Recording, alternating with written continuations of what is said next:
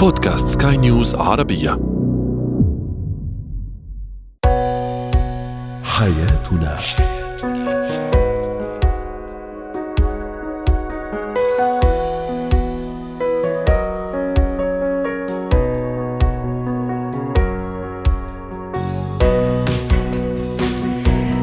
الكرام أهلا بكم معنا إلى حياتنا فضاؤكم اليومي الذي يعنى بشؤون الأسرة وباقي الشؤون الحياتية الأخرى والذي يمكنكم الاستماع اليه عبر منصة سكاي نيوز عربيه dot com slash podcast وباقي منصات سكاي نيوز العربيه الأخرى. شاركونا عبر رقم الواتساب 00971 561 ثمانية ثمانية ستة اثنان اثنان ثلاثة. معي أنا أمل شاب. اليوم نتحدث عن الشريك الذي يدعم الطرف الآخر أهمية الدعم. وما هو نوع الدعم دعم أيضا الذي يحتاجه الشريك؟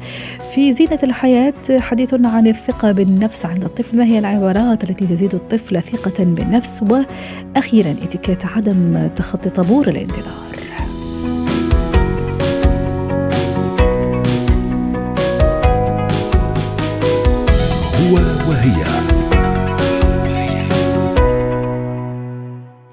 نوع الدعم الذي يحتاجه الشريك الذي تحتاجه الزوجة ويحتاجه الزوج؟ هل يختلف الدعم الذي يحتاجه الزوج عن ذلك الذي تحتاجه الزوجة؟ ما أهمية يكون لدي شريك أو زوج أو زوجة داعمة لي؟ ولطموحاتي ولأهدافي وللأسرة أيضا بشكل عام. للحديث عن هذا الموضوع رحبوا معي بلما الصفدي الاختصاصية الأسرية والنفسية. يسعد أوقاتك أستاذة لما أهلا وسهلا فيك. ماذا يعني آه، دعم الشريك لي؟ عن أي دعم يبحث الرجل في زوجته أو لدى زوجته؟ وعن أي دعم تبحثه الزوجة أيضا عند زوجها؟ صحيح أكيد آه، فكرة الدعم بشكل عام هي عبارة عن السند والسند هو الأمان. عادة لما نعرف أي علاقة عاطفية بداية أو زوجية نطلق مسميات الحب إلى ما هنالك. ولكن أنا دائما بفضل مسمى الأمان هو أهم من الحب. لأن الأمان هو استمرار. فالأمان هو المرادف له كلمة السند أو الدعم. الدعم بيتجلى بكثير طرق خصوصا نحن بنشوف بحياتنا اليومية. نحن بنمر بكثير حالات من الخذلان بالحياة والمجتمع والأفراد والأصدقاء. لكن دائما عندنا هذا الإحساس بأنه في المنزل سنجد الأمان. كثير أشخاص بيكون عندهم رهاب القلق. كلمتهم التقليدية اللي يقولوها أنا دائما عندي شعور سأعود إلى منزلي مكان الأمان والراحة بالنسبة لي أو دائرة الأمان. لا. هذه النقطة بنبتدي من هون جدا مهم فكرة الدعم. المرأة ربما أحيانا تحتاج لدعم يكون عاطفي أكثر يترجم أكثر في الكلام. بينما الرجل أحيانا يحتاج أكثر إلى مواقف تترجم في الأفعال. هذه نقطة أحيانا بتكون في بينهم بأنه أحيانا المرأة ممكن تشتكي كل اليوم أنا تعبت أنا طبخت أنا درست. بالنهاية هي ما بدها حد يساعدها باللي سوته هي مهامها وهي مدركة فيه. ولكن هي بتحتاج أبسطها لكلمة يعطيك العافية. جهدك على العين والراس. أنا جدا سعيد إنك موجودة بحياتي. فهون هذا بيكون بالنسبة لها بشكلها يمكن هيك يعني. طاقة إيجابية داعمة ودافعة بشكل كبير. بس أكيد يعني هو هذا الأمان في أبسط صوره أكيد كمان المرأة محتاجة لأمان في صوره ربما الأكثر يعني عمقا وحضرتك تعرفي أنه الحياة زي ما تفضلتي في البداية تحديات ومواقف وظروف ومثل ما كمان الرجل محتاج أحيانا كمان لكلمة طيبة زي ما تفضلتي. كمان تعتبر نوع من أنواع الدعم كما يحتاج أيضا لدعم أكثر قوة وأكثر عمق أستاذة لما. بأنه كيف هم بيفكروا أحيانا بالحياة؟ لأنه أحيانا المرأة لما بتطلب الدعم من الرجل بيكون ردود أفعاله بالعلاقات الواقعية. لأنه أنا ما فيني حضرتك ذكرتي نقطة كثير مهمة تطلب الدعم. هل نطلب الدعم يا دكتور أستاذة لما ولا لا؟ يعني الأشياء هذه ما لازم تطلب. طبعا لأنه في آه. كثير من الأشخاص هن آه، صعب عليهم فهم الطريقة الغير مباشرة. يعني نحن بنعرف أحيانا أنا ممكن أشتكي من صداع ولكن أنا بكون عندي إحساس بالحزن حاسة إنه أنا محتاجة إنسان يفهمني. لكن الكلمة الأولى اللي بقولها بأنه أنا اليوم عندي صداع من الصباح. هي طريقة غير مباشرة للتعبير. كثير من الأشخاص وهذا سبب رئيسي بالمشاكل الزوجية أحد الأطراف أحيانا بيكون هو لا يفهم الرسائل غير المباشرة. فلا بد أن نتبع معه طريقة مباشرة وبشكل دايركت. بمعنى أنا أحتاج دعمك أو أحتاج دعمك. سندك. أنا اليوم مررت بموقف معين وأحتاج أن تكون معي. أنا اليوم مثل ما أنت تفضلتي هي الحياة أكيد مش بس كلام في مواقف الواقع ممكن يكون. أنا اليوم صار عندي مشاكل أسرية ممكن تكون مع العائلة مع صديق مع أصدقاء. في العمل ولكن أحتاج دعمك كنصيحة كرأي كقرار كأنك تدافع عني تأخذ موقف. فبالتالي أحيانا هذا جدا مهم إنه إحنا نطلبه بطريقة مباشرة. أحيانا في زوجات بيكملنا تعليمهم بالمنزل. أو أحيانا حتى الزوج بيكون عنده مشاكل في العمل فأحيانا هو يعني يعتب على زوجته بأنه هي دائما يقول غير متفهمة غير مدركة، هل طلبت منها بطريقة مباشرة؟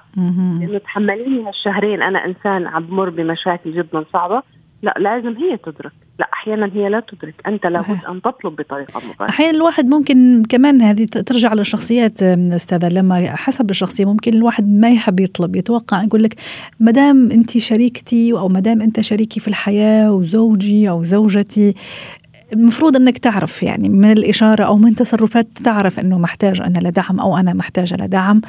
كمان الشخصيات تختلف والطباع تختلف والطرق كمان في التعبير عن هذا الحاجة للدعم تختلف. مشان هيك يعني كثير ضروري أنه ننتبه لطباعنا ولشخصياتنا ولمفاتيح شخصياتنا.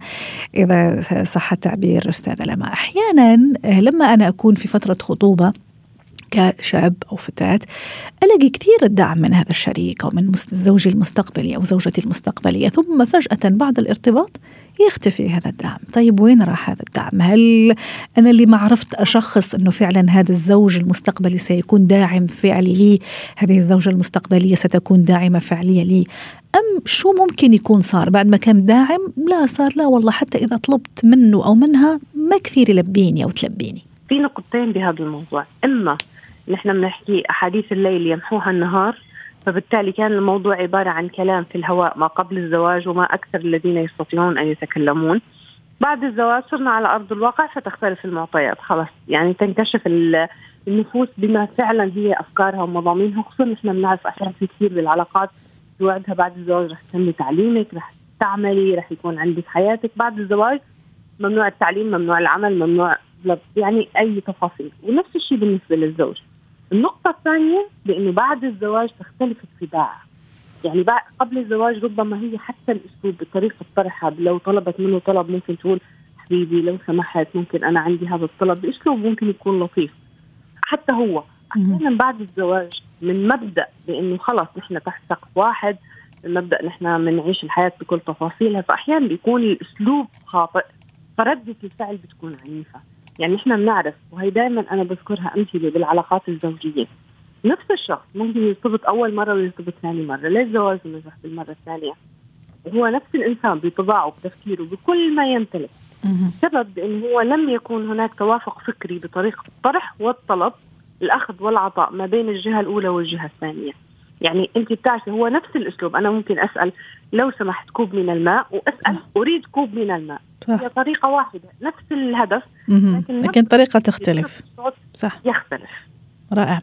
أستاذ لما أنا لما أقدم هذا الدعم لزوجي لزوجتي للشريك هل أه، لاستمرارية هذا الدعم وهو طبعا في النهاية واجب يعني وشيء يعني ضروري للحياة، هل كمان موضوع الامتنان وموضوع التقدير من الطرف الآخر يعتبر خلينا نقول وقود آه وقود حتى أنا أكمل أعطي هذا الدعم كزوجة أو كزوج للطرف لا. الآخر؟ طبعا طبعا فعلا يعني اصبتي الهدف، فعلا هذا هو الأساس لأنه نحن بنعرف في كثير من الأشخاص بيقدموا الدعم لفترات بعدين بصير عندهم إحباط، شو سبب هذا الإحباط؟ لما الشخص المقابل هو لا يدرك قيمة ما أقوم به وخصوصا أحيانا لما أنا بكون ببذل جهد فيه. أعطيك كمان مثال لما زوج ممكن يكون هو فعلا بيشتغل فترات طويلة هو شخص بيتوتي إلى ما هنالك وبالنهاية ممكن لأنه قصر بمساعدة شغلة في المطبخ مع زوجته أو مساعدته مثلا مع طفل إلى ما هنالك فبتطلق عليه أحكام ممكن تكون كثير سلبية. بينما العكس حتى الإنسان المقصر يعني هي إحدى النصائح اللي نعطيها كمان في العلاقات الزوجيه بانه لو كان شريكك مقصر أثني عليه سيتغير. يعني هو لو كان مقصر مثلا مع الأولاد اعطيك مثال الاب اللي ممكن يكون مقصر مع أولاده أنا باخذ موقف بسيط. هو أحسن فيه التصرف مع الأولاد بختار مناسبة اجتماعية بيكون فيها أشخاص هو يهمهم. يعني هو كشخص بهمه رايهم أهله عائلته أصدقائه. وأقوم بالامتنان والثناء على ما قام فيه من عمل بأنه لا ما شاء الله مثلا أبو أحمد أبو محمد البارحة ساعدني مثلا بالاطفال وهو بيهتم بابنه فبالتالي هو رائع. رفعنا عنده شعور طيب. بأنه أنا فعلا ملاحظة النقطة الثانية حمسته ليكمل بالعمل. النقطة الثالثة هو بالمرة اللي بعدها المفروض يكون ردة فعله أكثر إيجابية لأنه هو. حس بأنه عمل صغير أخذ كل هذا الكلام أستاذة لما نقطة كثير مهمة ضرورية لو- ما فيها يعني أمر عليها ورغم أنه الوقت داهمنا حضرتك قلتي هو ما يقدر أو هي ما تقدر الدعم أنا اللي قدمت له إياه. كيف حتى يثمن الطرف الآخر هذا الدعم؟ رغم أنه زي ما قلنا هو ضروري لاستمرار الحياة ولا حتى نقدر نكمل. كيف أنا لما مثلا أدعم وأدعم ممكن حتى ما يطلب مني الطرف الآخر وهو ما عم يثمن؟ موضوع تثمين الموضوع. هل إني أعطيه حسب الاحتياج ولا كيف؟ في طريقتين كمان. من الطرق إحنا بننصحهم بالسريع بالعلاقات الزوجية. أول طريقة الكلام المباشر ولكن بطريقة المزاح. يعني اليوم بيستفيدوا حتى الأزواج بالفكرة بأنه أنا بطريقة المزاح بأن أنا أقول بأنه أنا تذكر السنوات اللي أنت درستها أو أنا كنت متحمله مسؤولية المنزل. أنا وقفت جنبك بس فعلا أنا كانت سعادتي لا تسمم باللي أنت وصلت له. فأنا أعطيته الفكرة. بأنه أنا فعلا ضحيت بالأشياء اللي هو يوصله تمام ولكن بأسلوب لطيف طيب. ما جرح والأسلوب الثاني؟ الطريقة الثانية التوقف عن العطاء. يعني أنا لو حسيت بأنه هذا الإنسان تعود على الحياة اللي هو بيعيشها معي وهو بيعتبره روتين مم. فأنا باخذ فكرة ثانية مغايرة بأني أنا قلل هذا العطاء حتى هو يشعر شوي بالفرق يثمن. ثم أعاوده. جميل. فمن مبدأ الإنسان لما هو بيكون مش عطشان لن يشعر بالعطش. شكرا لكن أحيانا مم. لما يكون يشعر بالظمأ يحس بقيمة الماء شكرا لك أستاذة لما الصفدي الاختصاصية الأسرية والنفسية ضيفتنا من دبي. زينة ما هي العبارات التي إذا قلتها تزيد من الثقة؟ ثقة الطفل بنفسه. الحديث عن هذا الموضوع رحبوا معي بدكتورة منى لمنوم الخبيرة التربوية والنفسية. سعد أوقاتك دكتورة منى. أهلا وسهلا فيك معنا اليوم. حديث عن الثقة بالنفس عند الطفل وموضوع كثير مهم أنا صراحة حبيت أتوقف عنده لأنه راح يبني شخصيته للأعوام المقبلة. وكان أيضا هذا سؤالنا على منصة سكاي نيوز عربية. ما هي العبارات التي تقولها لطفلك ولزيادة الثقة بنفسه. تعليق يقول دائما أسر على أن أقول له أنت البطل وأنت الرائع وأنت أحسن الأشخاص. تعليق يقول أقول له كمان أنا وراك مهما فشلت لن أتركك. دكتورة منى أحيانا كآباء وأمهات ممكن أتلفظ بكلمات هي في الحقيقة أنا أعتقد أنها تزيد الثقة ثقة الطفل بنفسه لكن لا تثبط عزيمته وتدمر هذه الثقة. شو هي العبارات اللي لازم أركز عليها والعبارات اللي لازم يعني أتفاداها. العبارات اللي المفروض إن أنا أركز عليها عبارات زي احسنت أنت عملت الموضوع ده زي أنا ما توقعت أو أحسن ما كمان ما توقعت. أنت أحسن حد يعمل كده. ومهم لما أقول له إن الحكاية دي هو بيعملها كويس فعلا يكون بيعملها كويس لأن أنا مش آه. عايزة أبقى بنافق الطفل.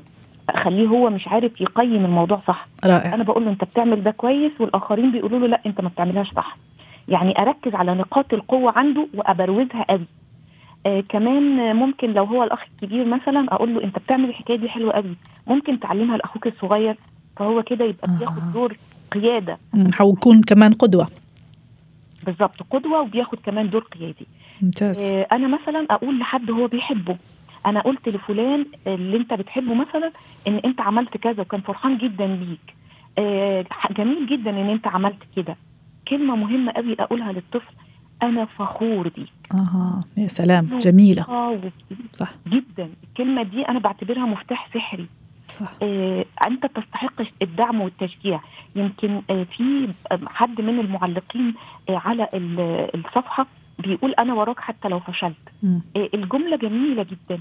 بس أقولها لما الطفل يخفق في شيء ما أقولهاش وهو ناجح علشان ما حسسهوش إنه آه آه، إن أنا أتكلم عن الفشل في لحظة نجاح. أها أو إنه النجاح والفشل سيان بالنسبة لعندي.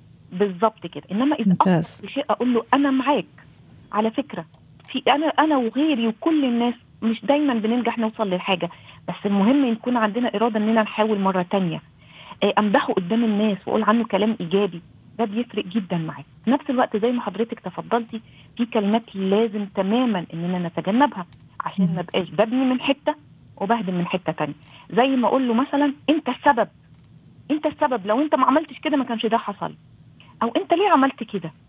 الموضوع اللي أنت عملته ده ما بيتعملش كده أصلا. أنت غبي. مفيش فايدة منك. مش هتتغير. أنت ما تستحقش. على فكرة ده كتير عليك. فلان أفضل منك واقارنه واو. فاشل. تعرفي يعني أنا وعم أسمعها عم تأثر فيها صراحة. وأنا متأكدة كثير المستمعين عم يسمعوا تاثروا يعني. فتصوري وقعها على الطفل. حقيقي يا أستاذة أمال الكلمات دي بتبقى في بعض الأهل ما بيبقوش عارفين إن صح. هم بيستخدموا خنجر ولكن خنجر بالكلمة. صح. يعني كأني جبت ابني وقعدت أضربه وأعذبه ال ال يمكن الألم الجسماني هيخف. لكن ال- الكسر نفسية الطفل وثقته بنفسه بالكلمات بصير عنده شرخ شرخ نفسي. الشرخ بيستمر معاه حتى لما يكبر صح. يروحش وممكن تولد فيه انتقام خاصة مثلا إذا قارناه مع أخوه الأصغر أو أخوه الأكبر أخوك أحسن منك لما كان في عمرك كان أحسن أو ابن الجيران أو زميله في المدرسة فشوفي كمان كمية الحقد اللي أنا أربيه عليها وأنميها فيه من غير ما أعرف.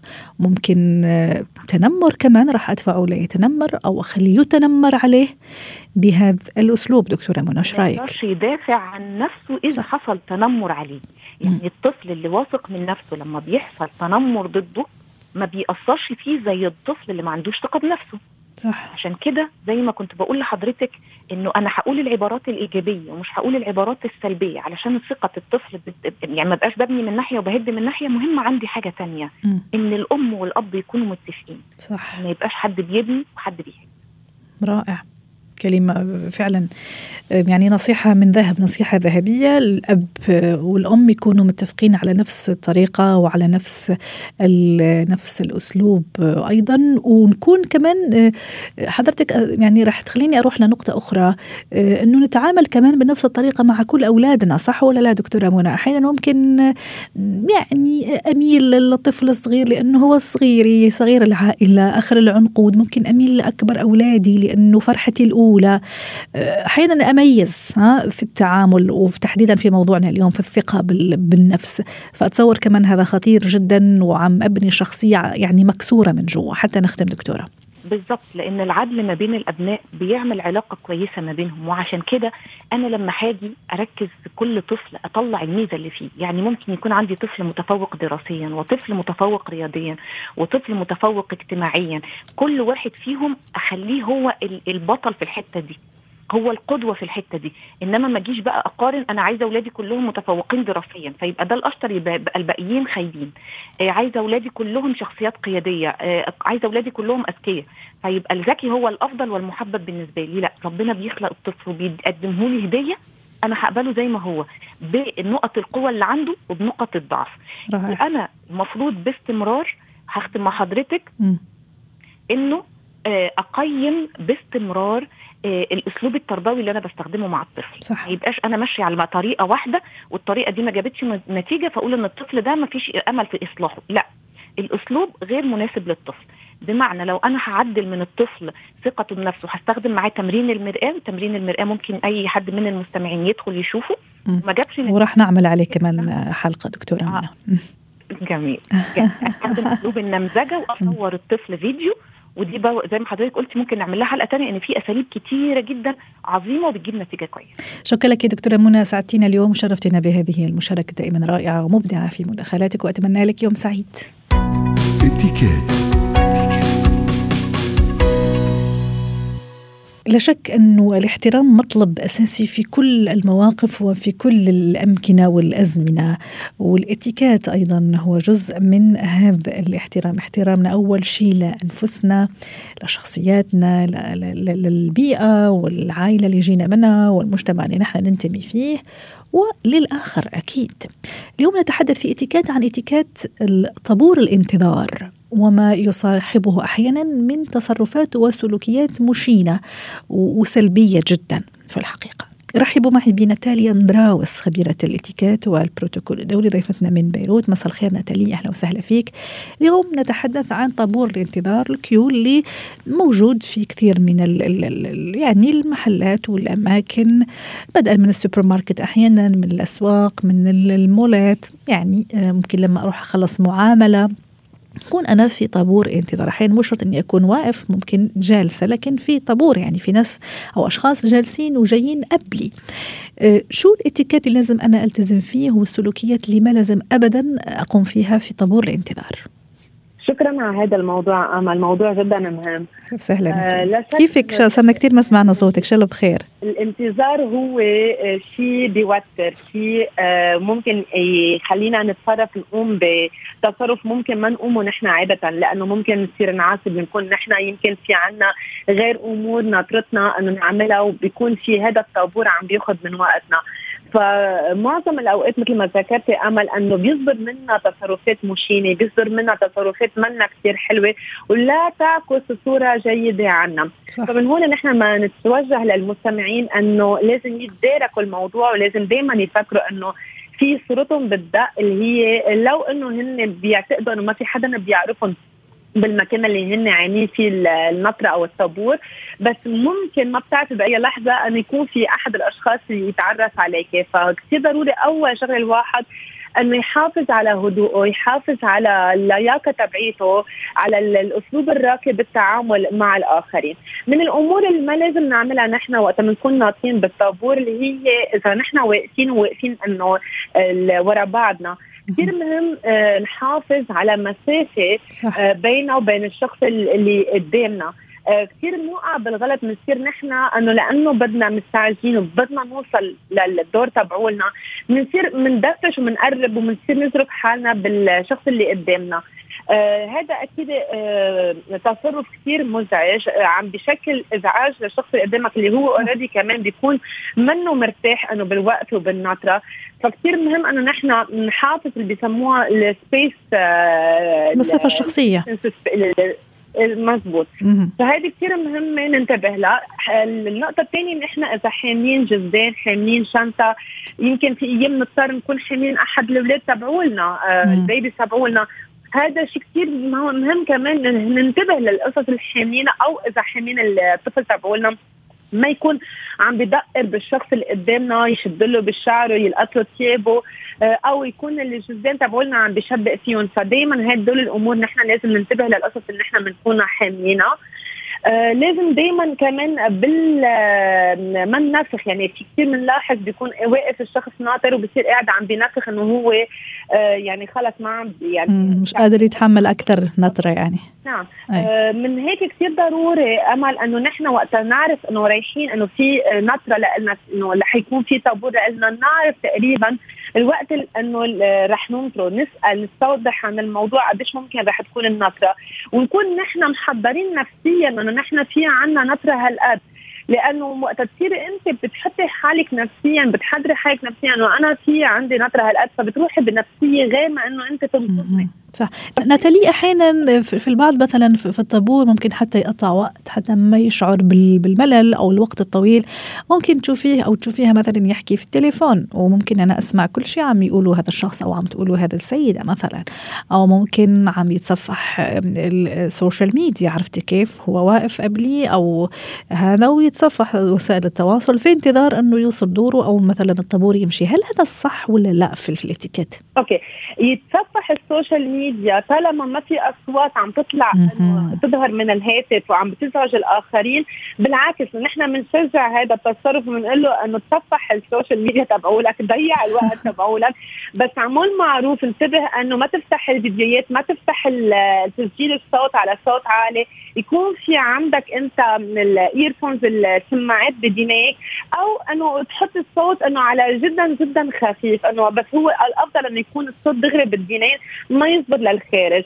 آه إذا بالنسبة للتليفون الأفضل ما نعمل اتصالات طويله لأنه قد ما بنكون نحن منتبهين للصوت تبعولنا لنبرة الصوت تبعولنا كثرة الحكي يعني بنطاق معين يعني رح تكون سبب للإزعاج. فنحن هون بنشجع التشات إنه الواحد يستخدم الشات على إنه يعمل تليفونات اتصالات على صوت عالي. رائع. يعني نحن نعم.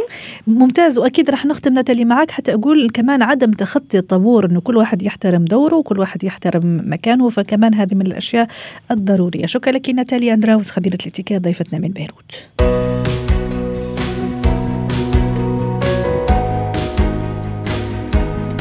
ختام حلقة اليوم من حياتنا. شكرا لكم وإلى اللقاء.